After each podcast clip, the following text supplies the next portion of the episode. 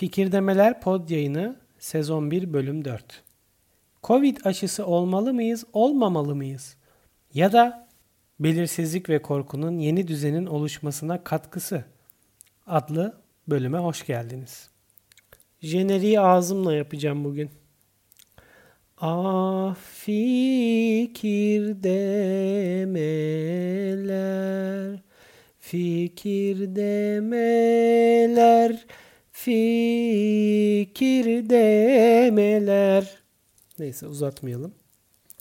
Merhaba sevgili dinleyiciler.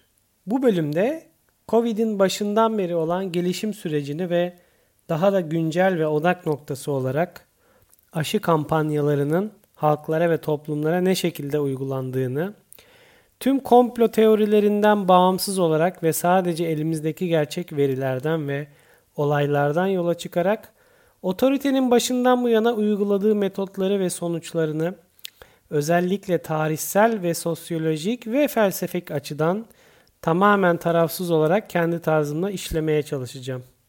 Yani bu bir yatırım tavsiyesi değildir dostlar. Aşınızı olup olmamanız noktasında size hiçbir tavsiye veremem. Ve baştan eklemem gerekir ki bir aşı karşıtı değilim. Şunu da baştan söyleyeyim. Covid süreci boyunca bu virüsün yok edilmesi için harcanan efor ve klinik çalışmaların bahsedeceklerim ile doğrudan hiçbir ilgisi yoktur. Çünkü dediğim gibi olaya biraz daha büyük resme bakarak ve özellikle sosyolojik ve toplumsal açıdan yaklaştığımı söylüyorum. Evet bu bölümde güncel bir mesele olan aşı olmalı mıyız, olmamalı mıyız ikilemine ayırmak istedim. İkilem dediğime de bakmayın. Toplumun büyük bir çoğunluğu olup olmama noktasında zaten çoktan kararını verdi. Ancak aşı olmayı seçmeyenlere karşı aşı olanlar tarafından sanki bu kişilerin toplum bilinci yokmuş gibi, sanki bu bireyler sorumluluk sahibi insanlar değilmişçesine bir ötekileştirme olduğunu gözlemliyoruz. Halbuki çok da mantıklı ve haklı sebepler ile spesifik olarak bir aşıyı olmamayı seçmek bir defa aşı karşıtlığı olarak adlandırılamaz.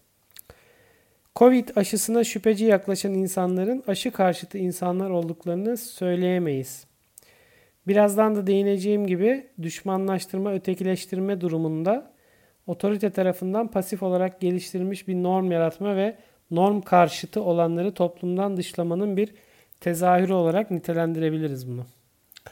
Ancak bu ötekileştirmenin ve düşman bellemenin sebeplerinin tarihteki benzer bazı kalıp modeller ile örtüştüğünü ve neden konu bu noktaya geldi ya da getirildi noktasında bazı bulgularım var ve bunları sizlerle tarafsız bir şekilde özellikle söylüyorum. Hiçbir teori üretmeden e, aktarmak istiyorum. E haydi o zaman aşınızı olduysanız başlayalım. Bakın ileride değineceğim. Size şöyle demedim. Şöyle deseydim ne olurdu? Aşı olmayan bu pod yayınını dinleyemez. Neyse oralara geleceğiz zaten. Konumuz bu. Yani kuşkucu bir birey olarak her zaman toplumların siyasi otorite tarafından özellikle teşvik edildikleri durumlarda geçmiş tecrübeleri inceleyerek bir örüntüler silsilesi yakalamaya çalışırım. Ancak tabi bunu yaparken de Sherlock Holmes Efendi Hazretlerimizin de bize önerdiği gibi gerçek olan veriyle kanaatim seviyesinde kalmış bir hissiyatı ya da düşünceyi aynı potada eriterek tüme varım yeteneklerimi kirli sularla karıştırmam. Haydi. Şimdi biraz arkanıza yaslanın ve geçmişe yolculuğa çıkalım mı? Hayır hayır çocukluğunuza gitmiyoruz. Covid'in başına gidiyoruz. En başından beri medya, şirketler vesaire yoluyla bu global olayın nasıl bir yol izlediğine, hangi adımları takip ettiğine biraz daha büyük resme odaklanarak adım adım bakalım. 1. Bu virüs tam anlamıyla çıkış zamanı itibariyle bir bilinmezlik üzerine kurulmuştu hatırlarsanız. Çin'de mi çıktı, Bil amcamız laboratuvarda mı üretti? Bir gecede çiplenecek miydik? 5G ile interneti her yere taşıyabilecek miydik? Yarasa çorbası mı, işkembe çorbası mı? Gibi sorularla tam bir bilinmezlik etiketiyle doğdu Covid. Tabii ki de son sözü her zaman medya söyler. O zaman şöyle diyebiliriz. 1. Bilinmezlik, lik, lik, lik, lik. 2. Bilinmezliğin ardından uzun bir süre hala da devam etmekte ve sürekliliği olan bir korku hali ve endişeyle beslendik. Korkularımızın odağı neydi peki? Çok net söylüyorum. Ölüm sayıları. Peki hiç şunu düşündünüz mü? Düşünmediyseniz de gelin beraber düşünelim şimdi.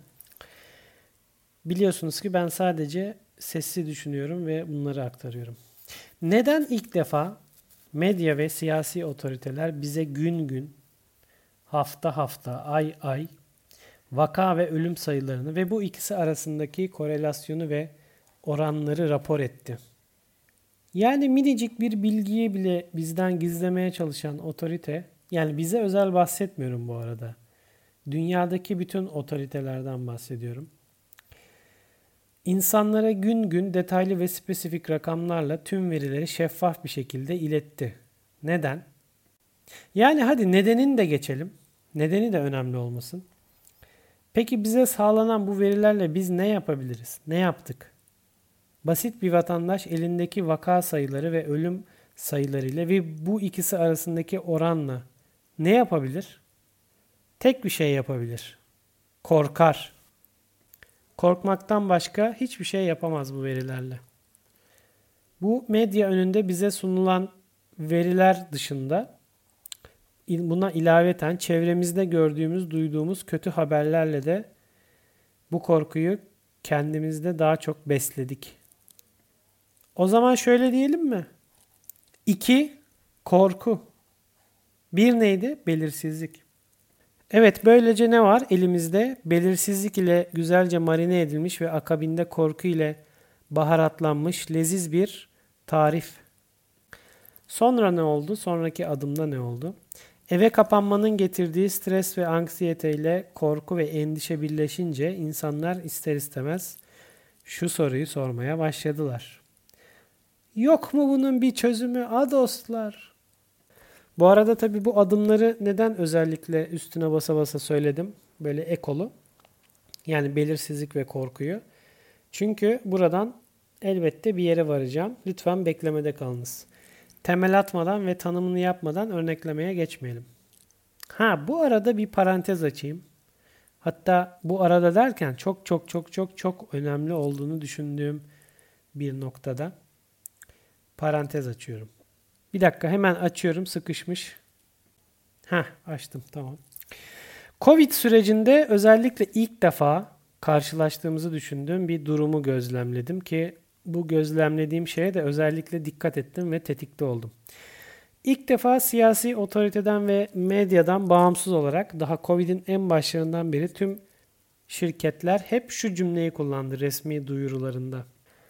Aşı çıkana kadar evden çalışacağız. Ne yapacağız? Evden çalışacağız. Ne zamana kadar? Aşı çıkıncaya kadar. Çalışanlarımızın fiziksel ve ruhsal sağlığı ve konforunu korumak bizim birincil görevimizdir. Geçersek, şirketler çok önceden zamanı gelince bir şekilde aşı teşviği yapacaklarını açıkça beyan ettiler. Hatta şimdilerde bazı şirketler bunu bir iç kural haline getirmeye çalışıyor ki bunun neden etik olmayan bir mobbing ve pasif baskı taktiği olduğuna sonra değineceğim. Ve tabii ki her mobbingin de bir amacı vardır. Gerçi amaçsız mobbing de olur ama bu tabii bireysel bir mobbing değil yani. Dunning-Kruger sendromuna sahip biri herhangi bir zamanda durduk yere mobbing yapabilir ama bu bu daha çok e, kurumsallaşmış bir mobbing. Yani özetle şunu demeye çalışıyorum. E, bugüne kadar hiçbir aşı için şirketlerin konuya hemen dahil olduğu benzer bir fikir aşılama taktiğine şahit olmamıştık. Yani normalde devlet güvencesinde olan aşılanmanın e, yürütücüsü ve koordine edicisi yine devlettir. Tabii normal şartlarda. Peki neden şirketler konuya hemen dahil oldu ve üzerlerine vazifedeyken aşı meselesini hep ortaya koydular. Parantez. Gel oğlum. Geç oldu. Evet arkadaşlar parantezin kapanması lazım. Annesi çağırıyor. Parantezi burada kapatıyorum. Toparlayalım.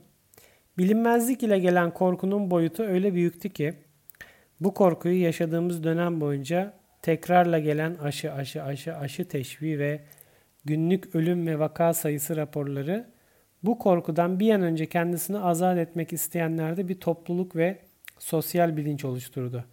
Bunu çok net söyleyebiliriz. Yani bu bir varsayım değil, gözlemlenebilen bir gerçek. Hatta en başta söylediğim gibi ve birazdan da sebeplerini açıklayacağım gibi korku ile beslenenlerde oluşan kaçınılmaz toplum bilinci aşıya karşı kuşkucu olanlara düşman olma noktasına kadar geldi ve aşı olmak bir norma dönüştürüldü. Bunu elbette direkt olarak siyasi otorite veya başka güçler yapmadı. Ama toplum bunu kendi kendine e, yapmaya başladı. Birazdan da göreceğiz. Öncesindeki iki adımın yani belirsizlik ve korkunun bir üçüncü adım olarak çözüm sunulması ile kaçınılmaz bir sonuç olarak toplum tarafından bir norm haline getirilmesi ve norm karşıtı olanların dışlanmasına dönüştü bu. Geçmiş yolculuğumuz bitti. Şimdi günümüze gelebiliriz tekrar. Şimdi aşılar düzgün bir klinik süreç geçirmeden, hazır olmadan önümüze bir şekilde geldi. Paralel olarak belirsizlik üzerine gelen korkudan kurtulmaya çalışırken kendini sosyal bilinci yüksek ve topluma katkı sağlayacağını düşünen bir görev insanı olarak görenler veya daha da basitçe ölümden korktuğu için aşıyı tek kurtuluş olarak görenler koşa koşa bu klinik olarak e, doğru şekilde tamamlanmamış ve ruhsatı çıkmamış aşıları oldular. E ben de tabii şüphe duydum. Şimdi Covid olayının gelişim aşamaları bakımından adım adım incelendiğinde tarihsel olaylar ile karşılaştırma yaptığımda bazı örüntüler yakaladığımı düşündüm ve internette araştırmaya çıktım. Araştırma yaparken Buket Çakır'ın ki kendisini tanımıyorum ve umarım ismini belirtmemde de bir sakınca yoktur. Sadece e, makalesinden küçük bir alıntı yapacağım. Evet tarihte benzerleri var mıdır diye bir araştırma yaparken Belirsizlik ve korkunun yeni düzenin oluşmasına katkısı adlı makaleye rastladım ve daha en başlarda şu paragraf dikkatimi çekti. Değiştirmeden sizlere naklediyorum şimdi. Tarihin hemen her döneminde yeni düzen oluşturulmadan önce belirsizlik ve kargaşa durumu beraberinde toplumda yükselen korku görülmüştü. Bilinemez olan kimi zaman insan doğa uyumunu engelleyici felaketler, kimi zaman ise insan insan uyumunu engelleyici ilişkilerden kaynaklanmıştı. Doğanın ve insanın denetim altına alınamaması belirsizlik durumu, belirsiz olan tehlike ve risk ortamı, tehlike ve risk ise korku yaratmıştı. Korku toplumsal yasaklama olan tabuyu ortaya çıkarmış ve olası felaketler toplum tarafından tabunun çiğnenmesi olarak yorumlanmıştı. Bireysel olarak tabuyu çiğneyen ise ya öldürülmüş ya da toplum dışından atılmasından duyduğu büyük korkudan dolayı kendiliğinden ölmüştü. Bilinemez olandan ya da içinde bulunan tehlikeli durumdan selamete erişmeyi sağladığına inanılan kahinler, büyücüler ve sihirbazlar gibi statüler ortaya çıkmıştı. İnançlar bir yandan da belirsizlik karşısında tahammül arttırıcı bir işlev görmüştü. Korku yaratan belirsizlik ve kargaşa ortamlarının yeni düzen oluşumunda ya da eski düzenin sürdürülmesinde önemli katkısı bulunmaktadır. Şimdi de Covid olayının gelişim adımları ve aşı ikileminin oluşum sırasına tekrar bakalım. 1. Belirsizlikte. 2. Bu belirsizliği takiben şiddeti arttırılan bir korku ile karşı karşıya kaldık. Mesela medya. Ha, bu arada bunlar benim kendi gözlemime dayanan adımlar. Bunları bir yerden okumuyorum veya bir yerden araştırıp gelmedim. 3. Korkuya paralel olarak çözüm sunulana kadar çeşitli yollarla bir teşvik mobbingi gördük. Yani mobbing diyorum çünkü teşviğin ötesinde zorunlu olmadığımız halde sözüm ona çözüme kendimizi bırakmamız için uç noktalarda teşvik edildik. Son bölümde buna daha detaylı değineceğim. 4. Korkuya karşı tek çare olan çözüm önerisi ve her koldan yapılan yani otorite, medya, şirketler vesaire teşvik ile birlikte kendine toplum bilinci ve sorumluluk yükleyen bireyler toplum refahı ve kendi öz çıkarları için bu çözüme koşarak gittiler. Ancak sunulan çözümün uygulanma şekillerine ve kalıcılığına dikkat etmediler. Muhtemelen burada sosyal sorumluluk bir maskeydi. Esas amaç ise korkuyu olabildiğince hızlı şekilde yok etmekte. Ancak bir söz vardır bilirsiniz ki fear is a mind killer. Yani korku beyin katilidir. Sözü burada devreye girerek insanların daha çok duygularıyla hareket etmesine olanak sağladı. Hatta oldu da. Yani tarihteki olaylara bakarsak bu süreçte bahsettiğim adımların ve bu sürecin tamamının bir rastlantı olmadığını ve belirsizlik ve korkunun yeni düzenin oluşmasına katkısı adlı makalede okuduğum e, paragrafı referans alarak bu adımların orta çağdan beri yeni düzen oluşturmasına veya eski düzenin sağlanmasındaki kullanılan araçlar ve adımlar olduğunu ve bunların örtüştüğünü söyleyebiliriz. Ve hatta tabu, tabulaştırma ve norm yaratma ve norma uymayanları toplumdan dışlama ve karalamaya gitme yönünde bile benzerlikler taşımaktadır. Yani bence aşıya şüpheyle yaklaşıp da sırf e, norma uymadığı için toplumdan dışlanacağını düşünen ya da çeşitli korkularla e, bunu kendinden azat etmek isteyen kişiler de kendini bu çözüme çoktan bırakmıştır diye tahmin ediyorum. Şimdi gelelim halkımızın ve diğer ülke halklarının korkuyla beslenmiş olmaktan ileri gelen görmezden geldiği bazı önemli teknik meselelere. Sevgili dostlarım bu bilgiler açıktır ve isteyen istediği zaman bu bilgilere ve belgelere ulaşabilir. Zaten daha en baştan hiçbir komplo teorisine bu işe karıştırmayacağımı söylemiştim. Aynen de öyle yapmaya devam ediyorum. Teoriler ve reel olmayan konseptler söz konusu değil. Şimdi aşı hakkında bildiğimiz gerçeklere bir bakalım. 1. Aşının ruhsatı yok. Ya da diğer bir deyişle aşı ruhsatsız. 2. Aşı faz 3 aşamasında ve yan etkilerinin halen gözlemlendiği, piyasaya sürülmeden önce, ruhsat alınmadan önce deneme ve test aşamasının denekler üzerinde devam ettiği bir aşamada. 3.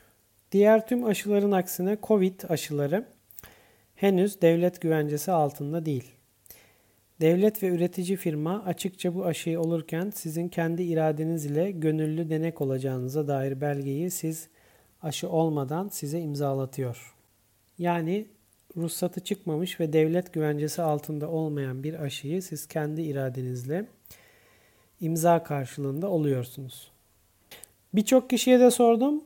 Neyi imzaladığını ve imzalayıp imzalamadığını bile henüz e, bilmeyenler var mesela. Bu da başka bir gerçek. Şimdi Covid'in başından beri geçirdiğimiz süreci tarihsel örnekleri ve teknik e, gerçeklere konuştuktan sonra size şu soruyu soracağım. Soruyu sormadan önce tekrar bir hatırlatma yapıyorum. Bu pod yayını aşı karşıtı bir pod yayını değildir. Size aşı olun ya da olmayın gibi bir tavsiye vermek amacıyla yapılmamıştır. Aşının karşısında durmaya çalışmıyordur. Sadece yayıncı yani ben gözlemlediklerimi iletiyor ve sesli sorularla sizlerle birlikte düşünüyorum. Evet şimdi size şu can alıcı soruyu soracağım. Neden aşı olmak zorunludur veya aşı olmamak yasaktır yerine X mekanına aşı olmadan girilmez veya X şirketinde aşı olmadan çalışılmaz gibi kurallar getirilmeye çalışılıyor. Neden kendi iradeniz ile imza karşılığı olduğunuz, yan etkisi belli olmayan, faz aşaması bakımından denek olarak kullanılacağınızı kabul ettiğiniz bir aşı için devlet değil de iş yerleri ve şirketler aşı zorunluluğu getiriyoruz desin. Başta söylemiştim ya bu bir teşvik maskesi altında bir mobbingtir yani. Etik olmayan insan haklarına aykırı bir uygulamadır bu. Bir iş yeri tabii ki e, kendi özel kurallarını koyabilir ve sözleşmeyle çalıştığınız için bu sözleşmeye uygun davranmak zorundasınız ve bunların ihlalinde işten çıkarabilir. Ya zaten yani herhangi bir sebeple de sizi işten çıkarabilir. Bu problem değil. Ancak henüz devlet güvencesinde olmayan, ruhsatı çıkmamış, yan etkileri hala belirsiz olan ve en önemlisi de kendi iradeniz ile imza karşılığında olduğunuz bir aşıyı olmanız için sizi nasıl ve neden teşvik ve tehdit edebilir? Buradaki temel yine korku değil mi? Yani aslında şirketler bir korku yaratıyor ve korkunun giderilmesi için size bir alternatif sunuyor. Yani teorik olarak kabul etmek zorunda değilsiniz ama ya pratikte? Bu uygulamaya soruyorum şimdi size. Bu uygulamaya biz daha önce hiç rastladık mı? Ya da benzerlerine. Enteresan değil mi? Haydi toparlayalım. Öyle bir hastalık düşünün ki otorite medya yoluyla size anlık rapor sunarak ölüm sayılarını versin. Vatandaş ne yapacaksa bu sayılarla. Öyle bir hastalık düşünün ki devletler ve üretici firmalar aşı olduğu için insanın başına gelebilecek herhangi bir olumsuz durumdan hiçbir şekilde sorumluluk kabul etmemesine rağmen medya ve şirketler bunu uç noktalarda teşvik etsin. Henüz devlet güvencesi olmadığı ve ruhsatsız olduğu halde devlet kendi altyapısıyla sizi hala deneme aşamasındaki bu aşıyı olmaya teşvik etsin. Şirketlerin hiç üzerine vazife değilken korku ve tehdit yoluyla sizin iradenize tesir ederek sizi ruhsatsız bir aşıya imza atmaya zorlasın. Dediğim gibi hiçbir komplo teorisi ortaya sunmadım. Bunların hepsi şu an gerçekleşen şeylerdi. Yani hatta delile bile gerek yok. Zaten bunları hepimiz biliyoruz. Saklanan, gizlenen şeyler değil bunlar. Ha bu süreçlerin de bir amacı var mı ya da nihai bir amaca mı hizmet ediyor? Bu noktada bunu çok düşünmüyoruz. Çünkü bu artık komplo teorisi üretmeden ya da herhangi bir tez ortaya sunmadan e, bulabileceğimiz bir şey değil. Onlar bizi ilgilendirmiyor. Sadece gerçekler ve olanlar üzerinden yola çıktık. Bu bölümde sadece sizlere sosyolojik açıdan süre gelen bazı tarihsel örüntülerin Covid sürecinde de gözümüze çarptığını göstermeye ve aşının henüz klinik anlamda hazır olmadığı halde sistematik bir şekilde teşvik edildiğimize, bazen de mobbing yoluyla teşvik edildiğimizi e, bilincini yaratmaya çalıştım. Ve sadece sorular sordum. Hiçbir çıkarımda bulunmuyorum. Hiçbir tüme varımda da bulunmuyorum. Hiçbir teori uydurmuyorum. Sadece gözlemlediğimi ve ön sezi yolu ile durumun tamamını büyük resimde nasıl algıladığımı gerçekler üzerinden anlatmaya çalıştım. Son olarak aşı karşıtı olmayın ve devlet güvencesinde olan tüm aşıları mutlaka zamanında olun, geciktirmeyiniz. Aşı hayat kurtarır ve toplum kurtarır. E o zaman sevgi ve kuşkuyla kalınız sevgili dinleyicilerim. Dördüncü bölümün sonuna geldik. Bu bölümün yazılı halini de web sitemde www.alperözdin.com blog sayfamdaki en son yazımda bulabilirsiniz. Hadi görüşürüz.